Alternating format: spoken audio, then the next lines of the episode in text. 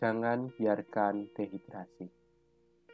Ya Allah, Engkaulah Allahku, aku mencari Engkau. Jiwaku haus kepadamu. Tubuhku rindu kepadamu, seperti tanah yang kering dan tandus, tiada berair. Mazmur pasal 63 ayat 2 Bacaan kita hari ini terambil dari Mazmur pasal 63.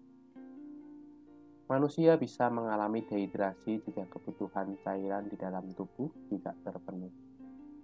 Tahukah Anda bahwa ternyata dehidrasi dapat mengakibatkan begitu banyak dampak buruk? Manusia bisa mengalami kelelahan, berbagai macam penyakit yang bisa menyerang, hingga penuaan dini. Salah satu kunci untuk mencegah tubuh agar tidak mengalami dehidrasi adalah dengan segera minum saat kita mulai merasa haus. Jadi, jangan mengabaikan rasa haus. Sama seperti tubuh dapat mengalami dehidrasi, jiwa pun juga demikian. Jika dehidrasi dalam tubuh dapat diatasi dengan minum saat merasa haus, bagaimana dengan dehidrasi dalam jiwa seseorang? Daud pernah mengalami rasa kehausan yang sangat. Bukan kehausan secara fisik karena ia saat itu berada di padang gurun. Namun ia haus akan Tuhan. Ia menggambarkan dirinya seperti seorang yang tidak berdaya dan begitu ingin dekat dengan Tuhan. Daud tidak mengacuhkan dehidrasi jiwanya. Ia segera mengatasi kausannya dengan kembali dekat dengan Tuhan.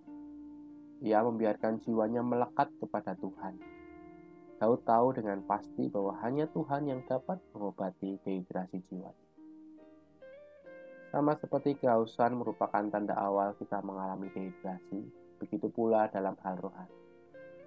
Jika kita merasa haus rindu intim dengan Tuhan, janganlah abaikan itu.